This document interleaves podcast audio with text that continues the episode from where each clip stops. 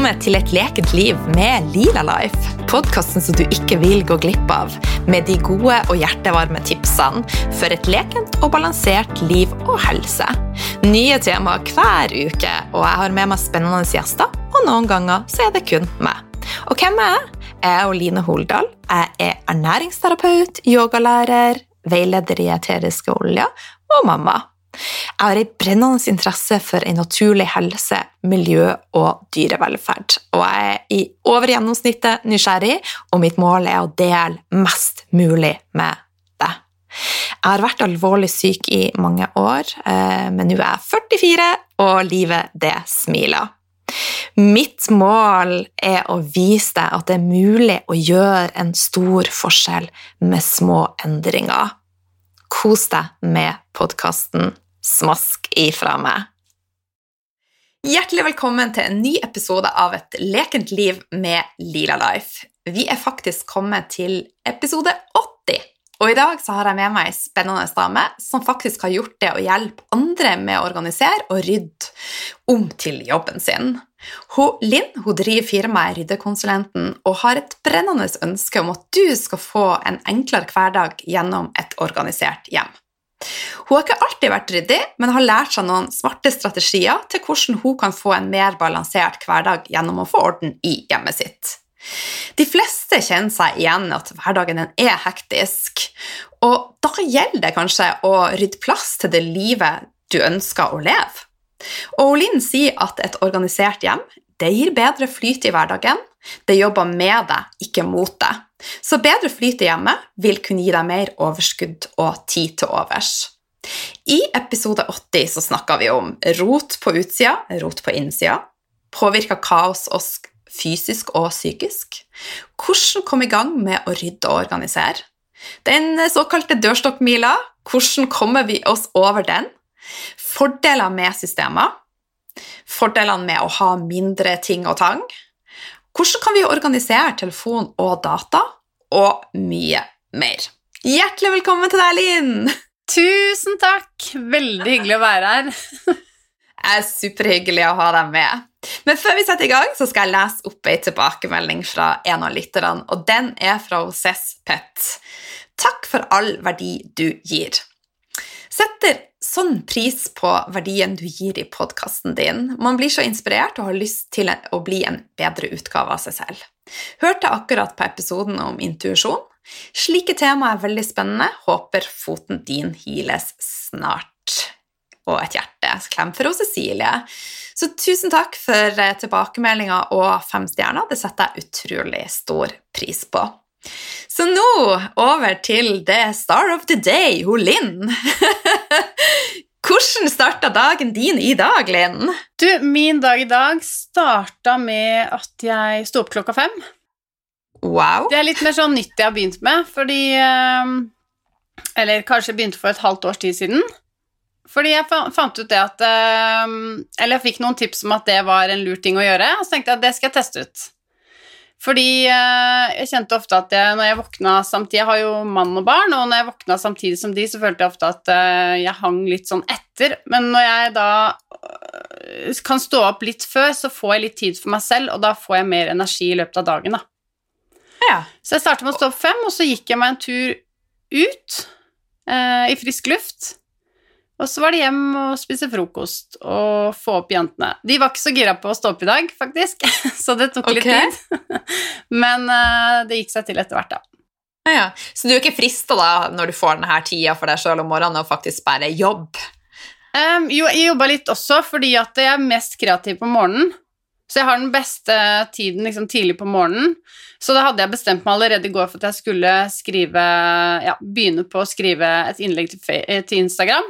Så da satte jeg meg ned og gjorde det etter at jeg hadde gått tur, da. Ok. Men du, når du står opp klokka fem, som for meg er jo midt på natta, når legger du deg da?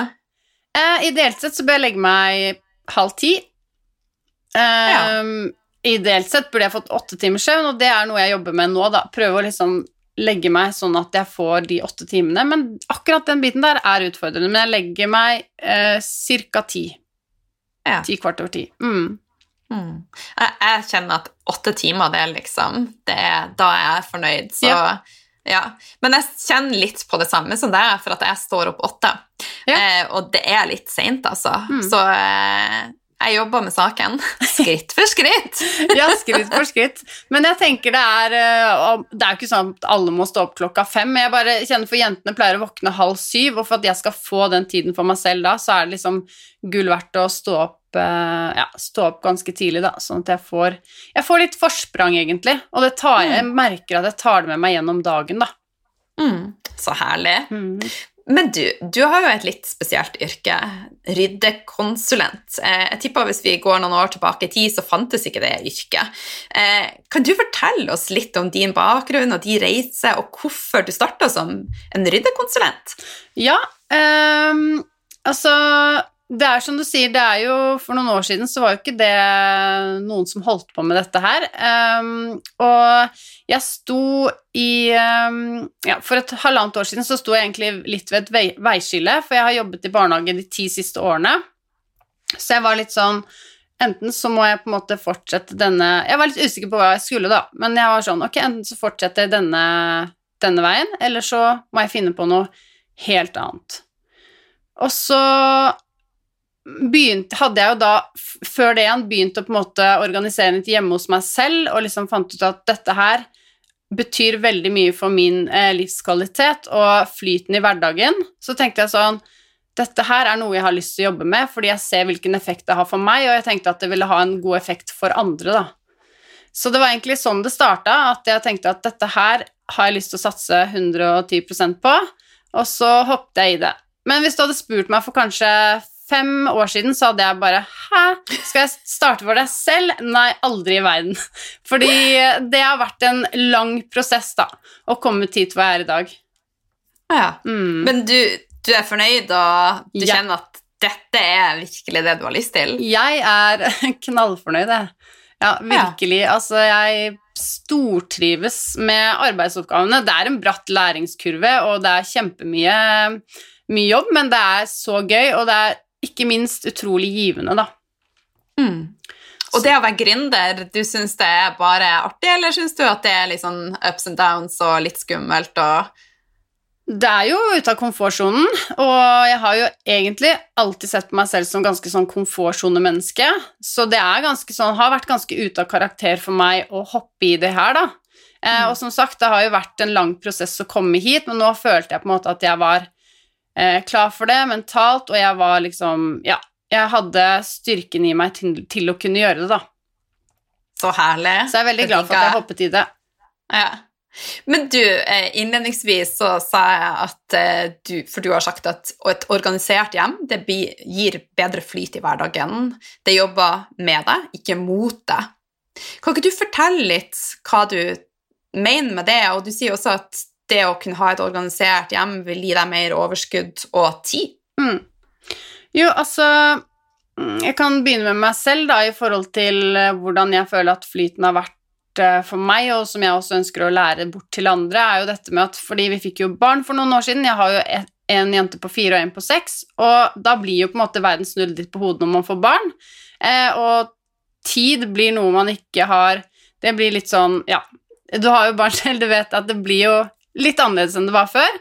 Um, og jeg kjente veldig på den. Um, og så er det dette med at uh, man får jo redusert mye av uh, altså den irritasjonen rundt det å ikke finne ting. Altså, jeg, mannen min og jeg har snakket mye om det, at vi liksom gikk og lette etter ting hele tiden, og bare det ble en sånn frustrasjonsgreie. Og det gjorde kanskje Spesielt når vi skulle ut og hadde litt sånn dårlig tid, skulle ut på tampen, nøkler og lommebok, hvor er de, ikke sant? Uh, og det er en sånn frustrasjon som du ofte da tar med deg gjennom dagen, da. Så ved å liksom gjøre noen grep og på en måte få ting i system, så flyter det mye bedre, og da får du også automatisk mer tid, da. Mm. Men du, nøkkel og lommebok sier du ofte er en sånn kilde til irritasjon. Hvor har dere det nå, da? Nå har vi det i gangen. Fast plass alltid. Mens før så lå det jo eh, Det lå i en jakkelomme, eller det lå i ikke sant, Det lå slengt på et bord, det lå inn på kjøkkenet. Og det er jo veldig vanlig, og det er sånn, men det er så Det er, jo en sånn liten ting, men hvis man klarer å på en måte ta den lille tingen og så overføre det til andre ting, da, så blir det stort til slutt. Mm. Men ligger det da i skuff eller skap, og det er liksom en sånn fast greie som dere også kanskje lærer opp ungene til at der skal dette ligge? Ja, jeg har delt opp en skuff i gangen som den ene, i fire deler, og den ene delen det er bare sånne små bokser som jeg har delt inn med. Den ene delen er til nøkler, den andre er til lommebok. Ah. Så der, der skal det fast ligge det blir, Og det, er, det som er så fint med det, er at det, det går jo til slutt på autopilot, ikke sant? Fordi Mm. nå vet vi jo det at ok, men det er der det skal ligge, så det er jo ikke noe spørsmål om hvor den er, for den er alltid der. Nice. Men du, eh, de her boksene, hva er liksom din aller sånn Hva er favorittplassen din til å kjøpe sånne her ting til å organisere med? Til å finne sånne spennende bokser og gode organiseringssystem? Jeg er jo veldig glad i Claes Olsson i Ikea, og det er litt artig fordi pappa har alltid elsket Claes Olsson, og jeg har alltid vært sånn opp igjennom bare Åh, skal vi på Claes Olsson? Det er så kjedelig. men nå er jeg bare sånn Åh, jeg elsker Claes Olsson, beste butikken i verden, men det er altså fordi at de har et veldig stort utvalg, da. Så Ja. derfor så er det ja, veldig fint å kunne dra dit og på en måte få det jeg trenger. Fordi de har på en måte små bokser, store bokser, alle størrelser. Samme ikke jeg også. Det er jo litt sånn Norge henger jo litt etter i forhold til dette her. Eh, men vi kommer sakte, men sikkert eh, etter. Dette er jo stort i andre land, men eh, det kommer mer og mer, da. Mm. Du, kanskje vi kunne ha linka, for jeg lager alltid et eh, blogginnlegg som er basert på eh, episoden. Kanskje du kunne ha sendt oss eh, dine tre favoritter, f.eks. fra Claes Olsson og Ikea, og så linker vi det i blogginnlegget. Så vi det litt mer sånn håndfast, og så Ja. ja. Absolutt. Kult. Men du, eh, altså Hvordan kommer vi i gang, da? Altså, for jeg tror for mange at det kan bli litt sånn Ja, jeg hører du prater om det her. Men hvordan kommer vi i gang hvis vi virkelig ikke liker å rydde, og vi tenker at vi har det bra sånn som vi har det? Mm. Ja, nei, altså det er jo Det er jo en terskel å komme over. Ehm, men jeg tror veldig på det å starte i det små, da. Det var sånn jeg begynte selv, og jeg ser at det fungerer. Um, fordi livet er hektisk, og vi har ja, barn, vi har, altså, vi har jobber, det, livet skjer, da. Så det er det å liksom gjøre det så overkommelig som mulig i en hektisk hverdag, da. Så jeg tror absolutt på det å begynne i det små, og så håper jeg og tror, og jeg ser også det i forhold til de som eh, jeg snakker med, at eh, motivasjonen øker etter hvert som de kommer lenger inn i ryddeprosessen, da. Jeg Mm. liker egentlig å kalle det en rei ryddereise, da. Fordi det er, på, det er jo en sånn renselsesprosess, både, både sånn fysisk, altså det du ser, men også innvendig, da. For det henger sammen, ja. Hmm. ja. Eh, men i et hus altså Vi har jo masse soner i hus, vi har stue, vi har eh, Ja. Hvilket område er liksom det mest smarteste å starte med hvis man skal starte i en ende? Er det noe fasit der? um, det er ikke nødvendigvis noe fasit. Eh, de kundene som jeg er hos, de har jo Altså, det er jo no, noen områder av huset som ofte frustrerer de mer, sånn type kjøkkenet, for eksempel, hvor det er um, Hvor man er inn og ut ganske mye i løpet av en dag, da. Eh, samtidig så hvis du skal begynne på kjøkkenet helt alene, så kan det føles veldig overveldende, fordi du det beste er jo på en måte å tømme ut alt og få sortert det. Men jeg tror du, nøkkelen til å på en måte få en eh, god ryddeprosess er å starte med å eie mindre.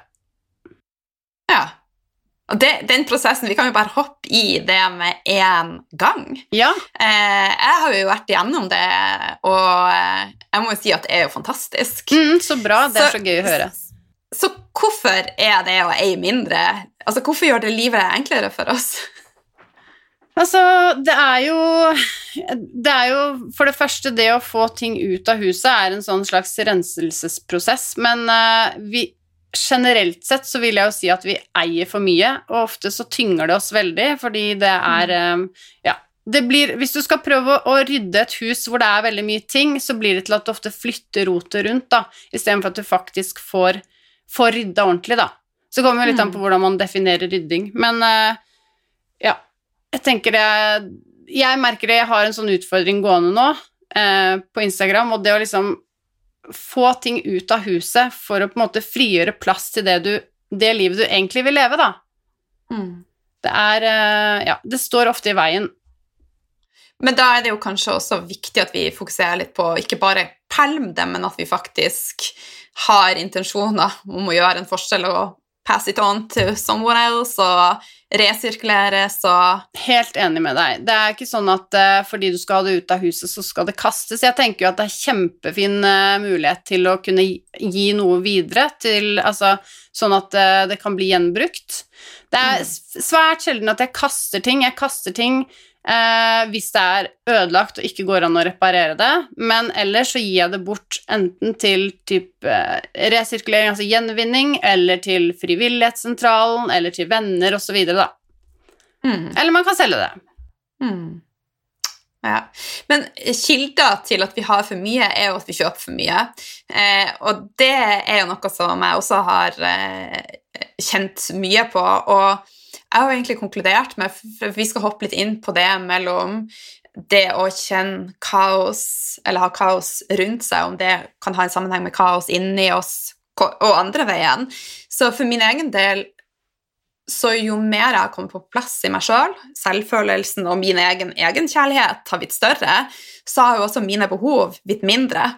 For at jeg tror at vi pakker på for å supplere for et eller annet.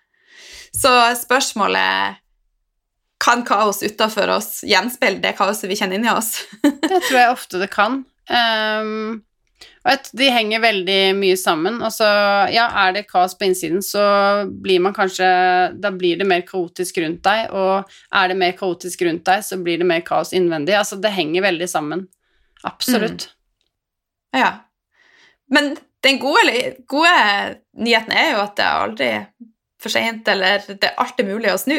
det er jo det, absolutt. Og det er jo kjempekult at du har vært gjennom den ryddeprosessen som du har vært også. Ja, det er eh, Ja, jeg blir jo inspirert av det, jeg også. Jeg har jo kommet langt i min prosess, men jeg blir veldig inspirert av både de som jeg snakker med, men også sånn som deg som ja, tar et tak da, og på en måte gjør en endring.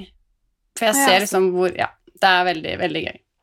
Så bra. Men det det er det som er så fantastisk med å leve nå i det, den tida vi gjør. Altså, det er masse ulemper, men det at vi faktisk har en muligheten til å, å møte folk som inspirerer oss via sosiale medier, og, og finne eh, altså, gratis inspirasjon. Det er jo masse gratis inspirasjon der ute, og fantastiske mennesker som kan løfte oss. Ja, ja, ja. Så, ja.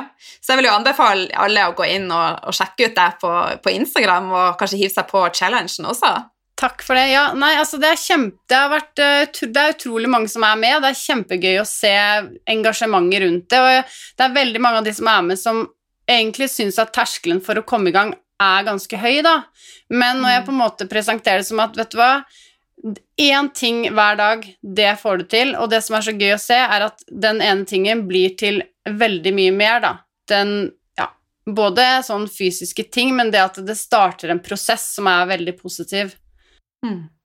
Så challengen går ut på å kvitte seg med én ting om dagen? Ja. Nå har vi én ja, ting om dagen i 14 dager. Ah, ja, spennende. Men det som jeg ser for min egen del, er at Altså, jeg har jo kvitta meg med mye, men jeg har bare nå et behov for å få enda mer ut av eh, Jeg bare opplever at det er bare død energi. Så eh, ja. Jeg har behov for mer blomster og malerier og sånne her type ting. Men jeg også merker det. Men merker du også at kjøpelysten avtar? For det merker jeg veldig godt. Nå som jeg har fått ting ut av huset, så er jeg mye mer interessert i å bringe ting inn igjen. Mm. Og jeg er mye mer sånn, ja. og jeg er mye mer sånn Kall det jeg er ikke så glad i det ordet, men kritisk til hva jeg bringer inn, da. Så ofte så kunne jeg liksom si takk eller si ja takk til ting som jeg tenkte jeg skulle si ja takk til for å kanskje være hyggelig, men nå har jeg lært meg å tenke at vet du hva, uh, nei, jeg trenger den faktisk ikke, så jeg må bare lære meg å si takk, men nei takk. Ja, det er kjempelurt. Så, så det jeg har gjort nå når jeg har For jeg har kjøpt et, ja, noen få småting, noen puter, eh, og jeg har kjøpt noen blomster. Men de tingene som jeg har tenkt at å, det har jeg skikkelig lyst på, men så har jeg kjent jeg har jo ikke bruk for det. Jeg har tatt bilder på telefonen, og så bare dratt derifra for å faktisk gå gjennom trenger jeg dette? Og ingenting av de tingene har jeg kjøpt, da. Så det, det har vært til hjelp for meg. Ja, det er kjempekult å høre, og veldig bra. Veldig lur ting å gjøre. Jeg tror det er veldig lurt, det som du sier, altså eh, gi det litt Gi det en liten pause hvis du har veldig lyst til å kjøpe det, så må du liksom ta en vurdering på men trenger jeg det egentlig? Mm. Og det er en sånn bevisstgjøringsprosess også når man er i den der eh, tralten, at liksom man blir mer bevisst på Ønsker jeg egentlig å dra dette her inn i hjemmet mitt? Ja, jeg har litt lyst på den, men trenger jeg den egentlig? Kommer den til å gjøre noe for meg, på en måte? Mm. En annen ting som jeg syns er litt kult, er å pusse opp de tingene man har. Mm. Ja. Så eh, Jeg er ikke så god på det. Men jeg hadde, en, jeg hadde fire stoler etter mormor, for, uh, som, ja, de sto på loftet en god stund, som jeg hadde veld, en veldig god intensjon om å på en måte pusse og male. Men jeg gjorde det ikke, så da ble det mer sånn en sånn dårlig samvittighet. Og da, Ja. Men da valgte jeg heller å gi det videre, istedenfor at jeg skulle la det stå og tenke at dette er et prosjekt jeg må begynne på. Så lot jeg det heller gå, da. For jeg tror det er Mm. veldig fort gjort å ha litt sånn påbegynte prosjekter hvis man ikke på en måte vet at man kommer til å fullføre det, da. Og da blir det en sånn der, litt sånn verkebyll når man blir påminnet hver gang om at å, det der skulle jeg gjort. Da er det nesten bedre å bare gi slipp på det. Jeg vet ikke dårlig samvittighet kommer vi jo ikke noen vei med, så det er bare å gi slipp, sånn som du gjorde, og gi slipp på dårlig samvittighet. Ja. Ja. Hva tjener vi på det? Nei, Ingenting. Nei. Men du, eh, dørstokkmila Altså, jeg tror jo mange kjenner på den at den kan være uoverkommelig. At det faktisk nesten blir en psykisk greie. Altså, jeg Sjøl så i enkelte perioder så har jeg bare blokka. Og hvordan skal vi da klare å åpne den sperra? For det er jo ei sperre, ei mental sperre vi har. Har du noen tips til å liksom bare boom, komme oss ut av den og komme i gang? Jeg tror ikke det er noe magisk, eh, magisk ved det, men jeg tror Eller jeg, jeg vet at det er Så må ta små steg. Begynne i Mm. det små, og så kan man ta litt og litt og litt og litt. For hvis man kan tenke på alt samtidig, så blir det veldig overveldende. Det er det jeg sier til kundene mine, og det er det jeg sier til følgerne mine. Altså, begynne det små, og så kan man heller utvide etter hvert. For det er en øvelsesprosess også. Eh, Det er vanskelig å f.eks. gi slipp på ting. Det er Altså, ja, man må øve, og bare baby steps, og så Mm. går det seg til etter hvert. Mm. Og så er det noe med å Jeg er jo veldig opptatt av rutiner. Eh, og faktisk Når man gjør noe nok ganger, så blir det jo bare en vane. Så det er veldig mange som spør meg «Å, har du det alltid så ryddig hjemme hos deg. Jeg har ikke alltid ryddig, men stort sett rett og slett for at vi gjør våre ting, alle i familien. Ikke alle, jeg skal ikke skryte på meg det, jeg har noen jækla rotete ungdommer. Men i hvert fall de voksne. Vi tar vår del bare sånn jevnt og trutt, og da blir det jo stort sett Ja. ok. Og jeg, jeg merker det også i forhold til uh, mine egne barn. Jeg skal heller ikke skryte på meg at de er ryddige hele tiden, for det er de ikke. Men jeg ser at ved at jeg har en interesse for å ønske å ha liksom orden Det er ikke, så, altså, er ikke sånn at overflatene er eh, skinnende her hele tiden. Sånn er det ikke, fordi vi lever i huset vårt, og hverdagen skjer, på en måte. Men jeg ser at det smitter over, da. Hmm. Så det er veldig, veldig gøy å se at de Ja, de liker også Og vi tar ofte en sånn liten sjau på liksom Ok, men trenger du alle disse kosedyrene her, eller altså at vi går liksom gjennom det litt sånn innimellom, da. Er det motstand mot å gi slipp, da? Det, nei, altså egentlig ikke, men det jeg merker er at hvis jeg sier nå skal, vi, 'nå skal vi gjøre det, nå skal vi gå gjennom det', da stritter de litt, for da har jeg på en måte bestemt Da er det jeg som har satt på en måte bestemt at nå skal vi gjøre det. Men jeg merker at eh, hvis jeg Det var en gang jeg tok ned litt ting fra loftet og begynte å gå gjennom litt av mine gamle tegninger og sånne ting, fra, egentlig fra barnehagen, hvor de ble nysgjerrig på hva jeg gjorde. Og da kom de over og bare 'Å, hva er det du gjør?' 'Å, jeg vil også hente tegningene mine som jeg' Ikke sant? Så, sånn sett så smitter det veldig over, da. Så det er liksom det Mm. med hvilke handlinger vi gjør, da. Men herregud, jeg maser på barna mine, jeg, og det er ikke sånn at det alltid er sånn 'Nå skal vi ha en sånn hyggelig stund her hvor vi skal liksom gå gjennom og sortere', men jeg tror at det ikke alltid hjelper å mase og si 'nå skal vi gjøre det'. Det er mer det derre Når man setter i gang selv, så ser de hva vi gjør, da, og så følger de etter etter hvert. Mm. og det tror jeg jo egentlig gjenspeiler seg i alt, at vi bare må være gode rollefigurer, og, og så kommer de forhåpentligvis etter. Og så er det noe med at eh, et hjem det, det er bra med system, og så, men det er jo ikke meninga at det skal være sterilt, og at man ikke skal kunne leve der. Og et ordtak som jeg har brukt mye, at det er bedre med litt skit i krokene enn en treint helvete. Mm, ja, ikke sant? Ja, det er noe med det. Og det, og det har jeg vært litt opptatt av å vise også. Nå er jo jeg mye på Instagram, men jeg er jo sånn opptatt av å vise at det er ikke sånn at det, er perfekt her hele tiden, og det er ikke målet heller. Men det er noe med å liksom rydde plass til å faktisk kunne få tid til å gjøre de tingene du liker, da. Mm. Og ja, det er jo veldig tidsbesparende. Altså, det, ja, jeg vil bare kjenne det bobla inni meg når jeg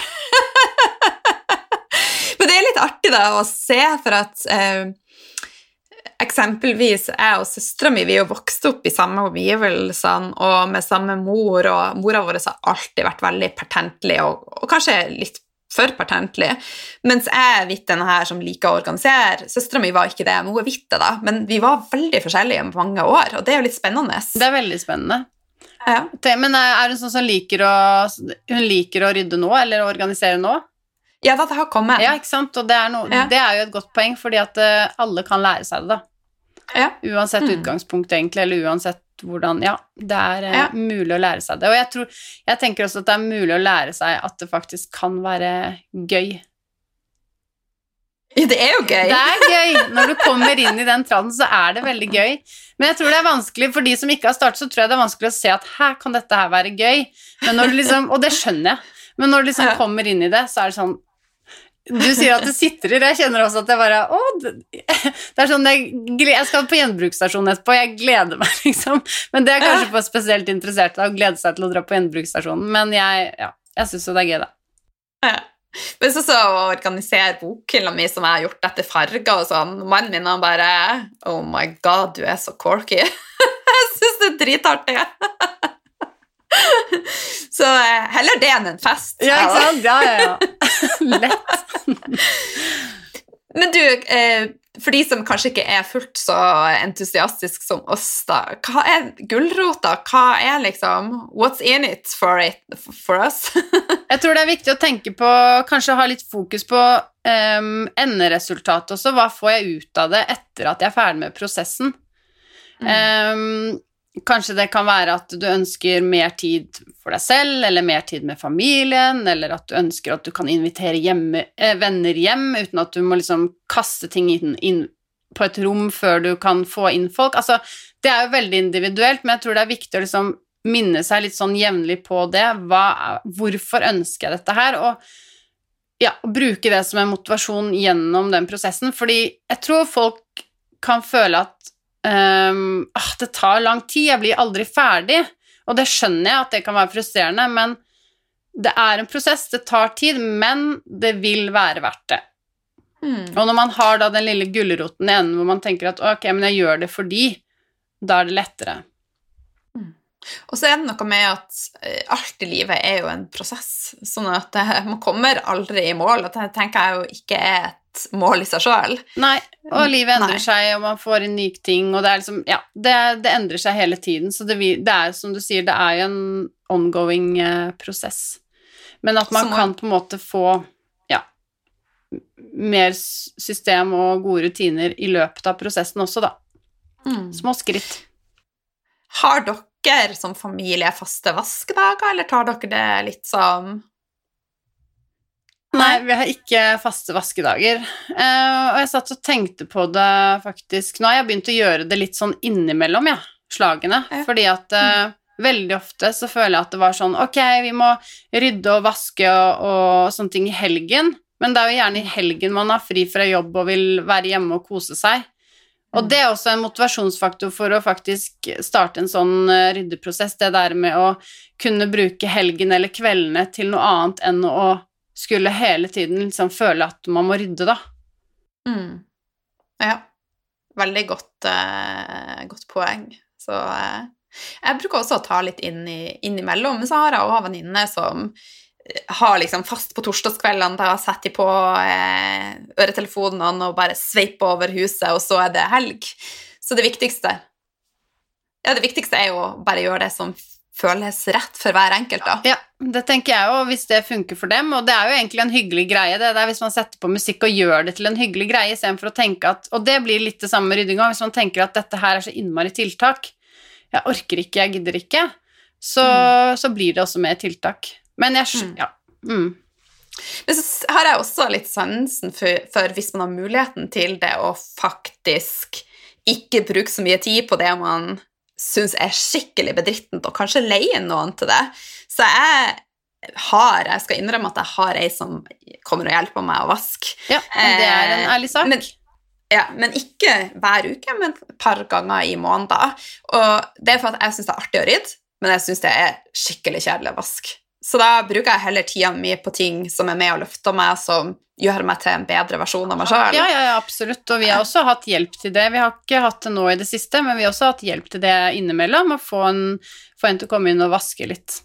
Altså, mm. det, det, den største verkebilen Ikke verkebil, men det, det jeg syns er mest utfordrende her nå, er liksom dette med å legge sammen klær, fordi vi vasker og vasker og vasker, og så blir bare den haugen med sånn eh, rene, tørre klær, den blir bare større og større, og det er sånn Å, nå må vi ta den, liksom, for den ligger konstant i stua, og det er sånn åh, ja. du skal fortelle et uh, hemmelig triks? Ja det å ha en mann som er sykelig opptatt av Radioresepsjonen og vil ha enhver anledning til å snike seg unna og høre på det, da vi alle klærne bare automatisk bretta. Det var jo kjempegodt tips, fordi mannen min liker også Radioresepsjonen, så da tenker jeg at det skal jeg bare foreslå neste gang. Så det bare å si ok, Radioresepsjon, ja, men da kan du brette klær mens du gjør det. Kan, bare hør på så lenge du vil, du, så lenge du tar de klærne der. Jeg skjønner ikke hva det er med menn og Radioresepsjonen. Mannen min han er nå på eh, å starte på nytt og høre om det kommet liksom til 2014. Ja, Han blir ikke eh, ja. lei? Nei, nei. Det er bare det. Han, for å si det sånn, han hører ikke på min podkast. Den eneste gangen han har vært litt interessert i min podkast, det var han Tor, Tore Sagen han heter, hadde hatt eh, besøk av en ernæringsterapeut som hadde snakka litt om det samme som jeg brenner for da. Så da var han litt sånn interessert også i kosthold i et sekund. et lite sekund der, og så var det tilbake til Radioresepsjonen. Ja, så det var en liten avsporing, da. Men det handler jo om å finne de her triksene som gjør at det funker i, i hver enkelt familie, og Radioresepsjonen er et positivt bidrag for oss da, i og med at klærne forsvinner. Veldig greit. Men du, eh, en ting som vi bruker mer og mer tid på, er jo eh, data og telefon. Eh, og det er kanskje ikke så mange som tenker over det, at det å ha et kaos på telefon og på datamaskin er jo også et sånn tidssluk. Mm, absolutt. Hva er dine tanker her, og hvordan kan man eventuelt komme i gang og organisere?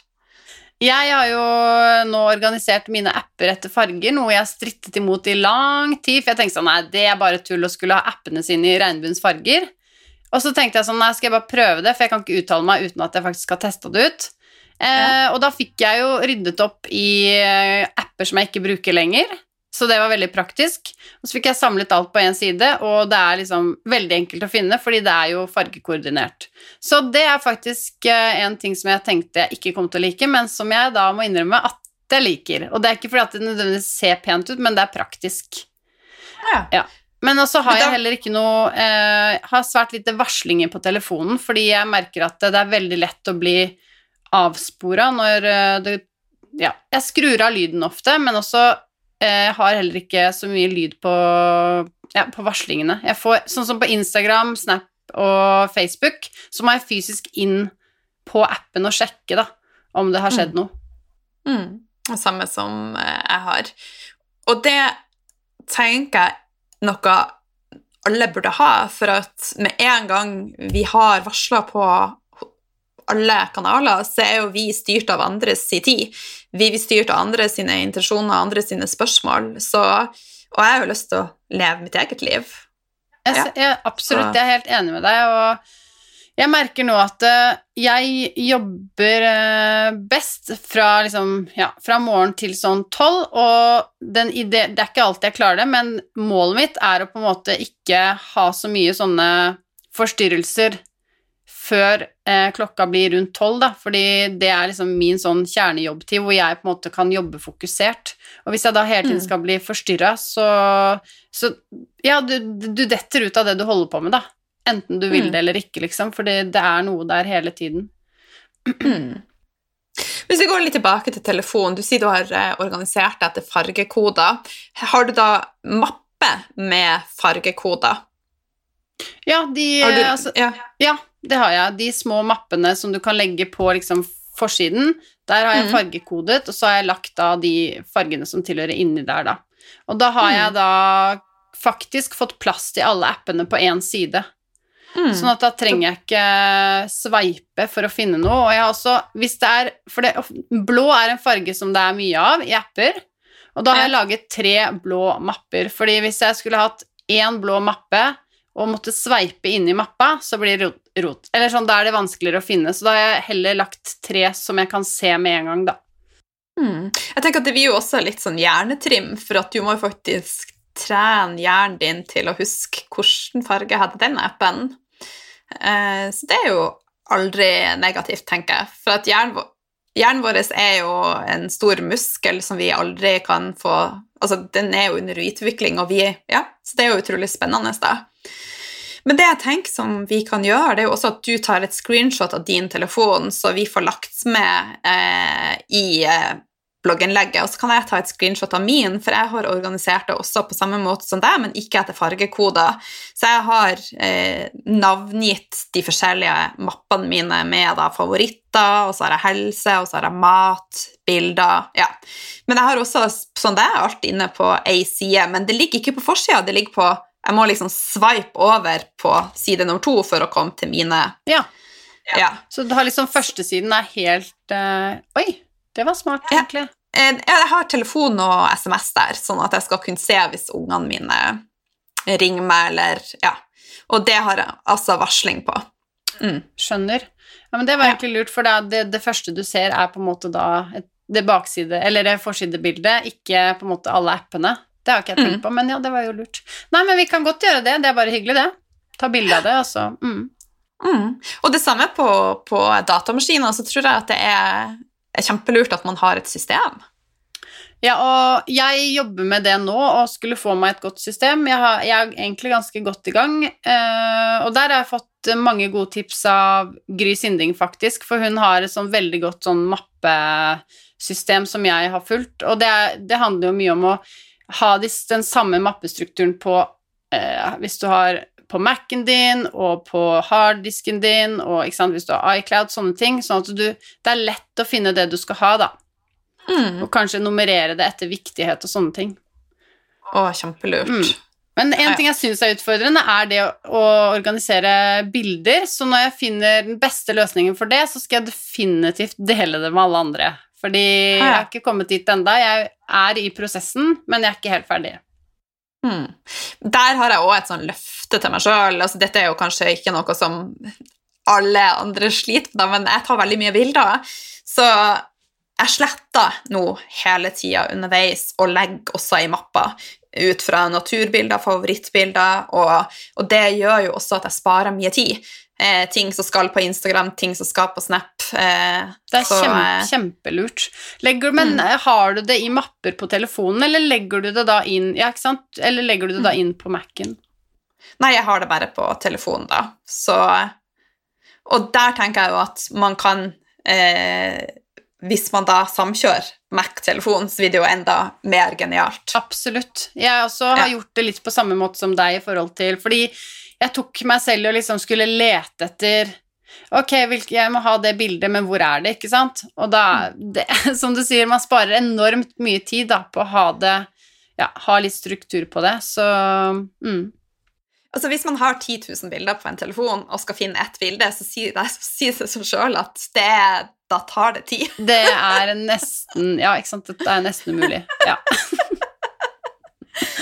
Så eh, hvis vi skal oppsummere dette, så på samme måte som å prioritere og lage organ, altså, systemer i huset, så har vi stor i hvert fall på deg og du stor glede av å gjøre det både på telefon og datamaskin. Mm, absolutt. Ja. Det Og så er det noe med å vri tankegangen til at yes, dette er artig. Ja. Jeg tror det, det tenker jeg har egentlig veldig mye å si, og jeg skjønner jo at det, skal du over den dørstokkmila, så kan det kanskje være utfordrende å bare Yes, nå skal jeg rydde, eller nå skal jeg ta et tak, fordi da er man jo kanskje ikke helt på den frekvensen akkurat der. Men uh, jeg, ja, det er liksom noe med å komme i tralten og prøve å snu tankegangen, da. Og tenke at mm. dette her er faktisk Dette vil uh, gjøre Bidra til at hverdagen min blir bedre. Mm. Og så er det noe med å eh, av og til fake it until you make it, for at vi er programmert til å tenke lettere negativt enn positivt. Så altså De siste dagene så Når jeg, altså, jeg når jeg våkner om morgenen, så sier jeg alltid til meg sjøl jeg er takknemlig for Og det har ikke kommet naturlig for meg de siste dagene, men jeg får ikke lov å stå opp av senga før jeg har sagt tre ting. Det er kjempelurt. Ja. Så, eh. Jeg har en vei å gå der, men jeg har blitt mye bedre på det, jeg også, og jeg merker at eh, jeg, jeg, gjør det ofte om kvelden, da, så kan jeg ligge og tenke på liksom, hva jeg er takknemlig for den dagen. Og det er veldig viktig for å liksom, løfte fram de tingene du faktisk er glad for, da.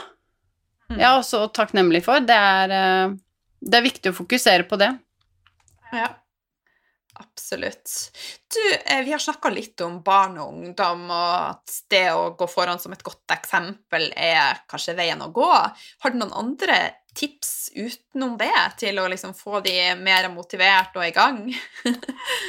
um, ja, altså nå har jeg ganske små, små barn, da, men uh, det er litt det jeg snakket om i stad, dette med å uh, kanskje ikke gjøre det litt i dems tid også. Uh, og ikke bare sånn 'nå skal vi gjøre det', men kanskje enten bli enige om når man skal gjøre det, eller at man setter seg ned og gjør noe, og så blir de inspirert av det du gjør, da. Mm. Mm. Ja. Lurt. Hvem inspirerer deg? Sånn Har du Ja, på ryddefronten? Jeg har jo uh, hørt en del på The Minimalists. Jeg vet ikke om du har hørt om de, men det er to karer som uh, har vært gjennom en kjempeprosess. De egentlig De har en podkast som heter The Minimalist, og så er det en, også en film, en dokumentarfilm om dem på Netflix, som jeg bare Jeg har sett den nå fire ganger. jeg blir ikke lei. Så det er, eh, det er et uh, tips som uh, Ja. Bare se den og se. Jeg tror du kommer til å digge den. Så da er det i prosessen deres med å gjøre endring? Ja, altså de var uh, De hadde sånn høyt høytstående jobber, de var liksom Hadde alle de fine tingene og sånne ting. Um, men så Og, og de, de, er kompiser, da. Og han ene, han, han merket i han andre at Oi, så Men så Altså, de følte seg ikke lykkelige, da. De, de hadde alt, egentlig, men de følte seg likevel ikke glad. Og så var det sånn, men plutselig så hadde han ene gått gjennom en prosess hvor han hadde begynt å liksom kvitte seg med ting og begynt å sette pris på andre ting enn materialistiske ting, da. Og han kompisen bare 'Men hvorfor er du så glad? Vi har jo det samme livet.' Og da begynte han å fortelle om liksom dette med minimalism og sånne ting, da. Så de snakker veldig mye om det. Man kan eie mindre, men man blir rikere på andre ting, da. Altså opplevelser og sånn, og så videre. Så det er veldig interessant. Spennende. Og dette med den kjøpekulturen at man hele tiden skal Før så var det liksom eh, sesong, fire sesonger, men nå er, det, nå er det mange flere sesonger fordi man skal kjøpe noe nytt hele tiden, da. Så ja det er mye i forhold til det også. Kjøpekulturen. Altså, jeg hører jo på masse podkaster, og det er en sånn rød tråd i at altså, mennesker som har ubegrensa med ressurser og penger, kjenner seg ikke mer lykkelig enn andre. For den, vi er nødt til å finne den inni oss. Det, det kommer vi ikke bort ifra. Så eh, vi må tilbake til kjernen. Og jeg tror kanskje det de også snakker om, at de kjøpte jo mye for å kanskje da tette et tomrom. Men det tomrommet, mm. tomrommet blir jo ikke tett ved å kjøpe nye ting. Det er som du sier, det må komme innifra. Man må gjøre en jobb innifra for å ha det, ha det bra, da. Det nytter ikke å liksom kjøre på med ytre påvirkninger og kjøpe nye ting for å gjøre seg glad, på en måte. Mm. Men det her er den, den uh, serien på Netflix, er det en som går over Er det én dokumentar eller en serie? Det er én dokumentar. Men Marie Kondo har jo også en eh, dokumentarserie på Netflix som er veldig artig, syns jeg, da. Som er morsom å se. Jeg har sett et par episoder der. Ja, du har det? Ja, og der får du jo virkelig se ekstremtilfeller og se at det faktisk er mulig. Mm. Ja, det er nettopp det, og jeg tror det hjelper veldig å ha en ved siden av seg. Det merker jeg jo når jeg er ute hos kunder også. Det der med at For det første så har det vært en terskel for de å ta kontakt med meg, ikke sant? fordi de syns det er litt sånn flaut og, og sånn, men det der med å ha en ved sin side som ikke er familie eller eh, venn, fordi da kan det ofte bli litt for nært. Men eh, når jeg kommer inn og hjelper de gjennom prosessen og stiller litt spørsmålstegn og på en måte heier de fram, så er det mye lettere å å gjøre den prosessen, ryddeprosessen, da. Mm. Og det vil jeg jo bare understreke her også, hvor viktig det er å tenke at selv om du har rot og kaos rundt deg, så ikke vær flau for det. Ikke vær redd for å ta kontakt med noen, for vi har alle et eller annet vi sliter med. Absolutt. Mm. Og det er det første jeg sier, fordi ofte når jeg kommer inn døra hos uh, mine kunder, så kan de si sånn 'Å, nei, men jeg har ikke rydda det', eller og, ikke sant? At de bare syns det er flaut, men det er noe av det første jeg sier. at vet du hva, det, det skal du ikke tenke på. Det, det bryr ikke meg. Jeg, jeg, er jo der for å hjelpe dem, og jeg, som jeg, jeg syns jo det er Dette er spennende, dette er gøy. Jeg syns jo ikke det her er teit eller flaut eller Ikke sant. Det er mye skam rundt det, da. Så det er liksom det å på en måte ufarliggjøre det litt. Mm. Så du drar rett og slett hjem til folk og hjelper de å få i gang systemer? Ja. Utrolig, utrolig spennende. Det er veldig spennende. Veldig givende. Vet du om det finnes sånne tilbud rundt om i hele landet, eller? Det, er, det kommer stadig flere. Vi er ikke så mange enda, men det er noen rundt om i landet. Både Sørlandet, ja, Bergen, det er, noen, det er flere i Oslo. Så sakte, men sikkert. Vi er jo litt i startgropa enda, men det gjør det jo nesten enda mer spennende. Så mm. ja, vi er flere, men ikke så mange enda. Du får eh, begynne å ansette rundt omkring i byene. Det hadde vært stas. Jeg tenker at det er jo eh, uante muligheter her. Mm, ja. Og også uante muligheter for, for de som har lyst på hjelp så eh, det er jo viktig å, at det kommer Ja, vi ser på det fra den sida også. Så eh, Marie Kondo og da dokumentaren 'Minimalism' Nå sa jeg det sikkert feil, men I don't care. Eh, de to tingene Har du noen bøker, podkaster, andre ting? Ja, um, Courtney Carver, hun er det 333. Det er litt det samme konseptet som sånn kapselgarderobe. Eh, hun har ikke jeg sjekket ut så veldig, men jeg skal sjekke, hun er med i den dokumentaren, så det var der jeg egentlig oppdaget henne. Men hun uh, har veldig mye nyttig å komme med. Men det er jo sånn som jeg kan sende over til deg også, hvis du ja. Hvis det er flere som lurer på For det er ikke så lett alltid å huske alle disse navnene, så det er jo sånn som vi kan ja, snakke om. Men, uh, og Synnøve, da. Skarbø. Hun har jo også to bøker som jeg har uh, lest fra perm til perm. Marie okay. Kondo også har jo en bok, da. Ja. Så Snøve hun er også en sånn organiseringsdame. Mm. Hun er veldig glad i det. Hun jo, hadde jo et program på TV for en stund siden som het Norske rotehjem, hvor hun kom inn og hjalp med å få system.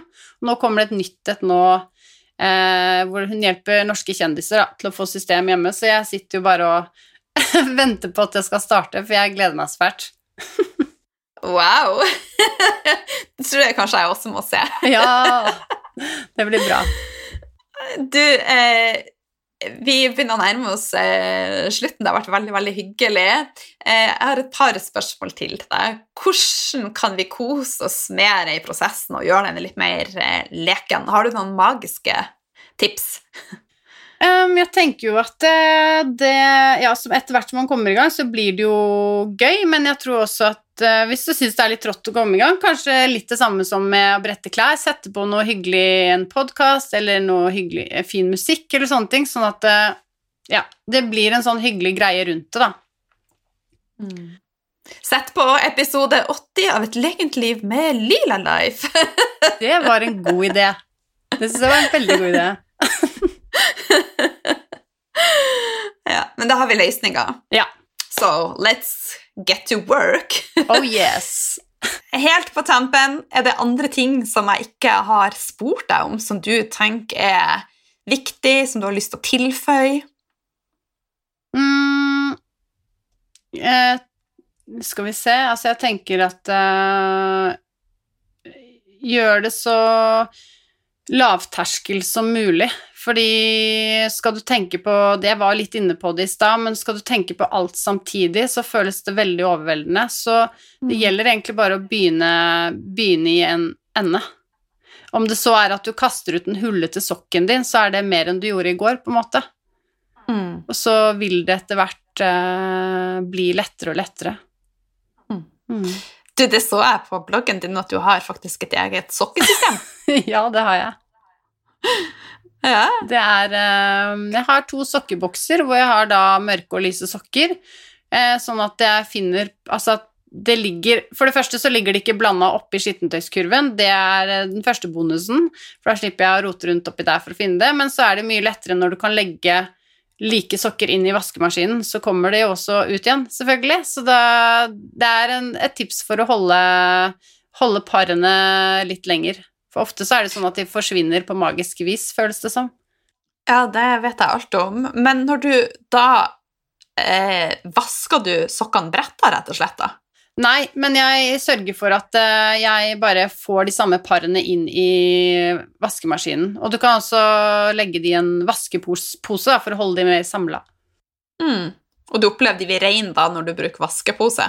Ja, de har blitt det. Ja. ja. Så bra.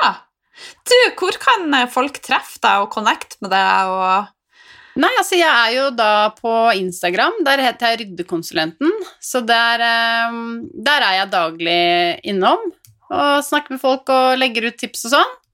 Og så har jeg jo da hjemmeside som heter ryddekonsulenten.no. Og så har jeg Facebook, der er også Ryddekonsulenten, så det er Ryddekonsulenten hele veien. Det liker vi. Eh, så helt på tampen, tusen hjertelig takk for at du var med. Alle som hører på, dere finner et innlegg på lilalife.no eh, med bilder av eh, telefonene våre og linker til diverse ting som vi har snakka om. Du skal også dele dine tre favoritter fra Ikea og Claes Olsson. Eh, og så gleder jeg meg til å dele episoden ut med verden på iTunes og Spotify, og du finner den på alle podkastkanaler. Yay! Jeg gleder meg. Tusen takk for meg. Det var kjempehyggelig. Sjøl takk.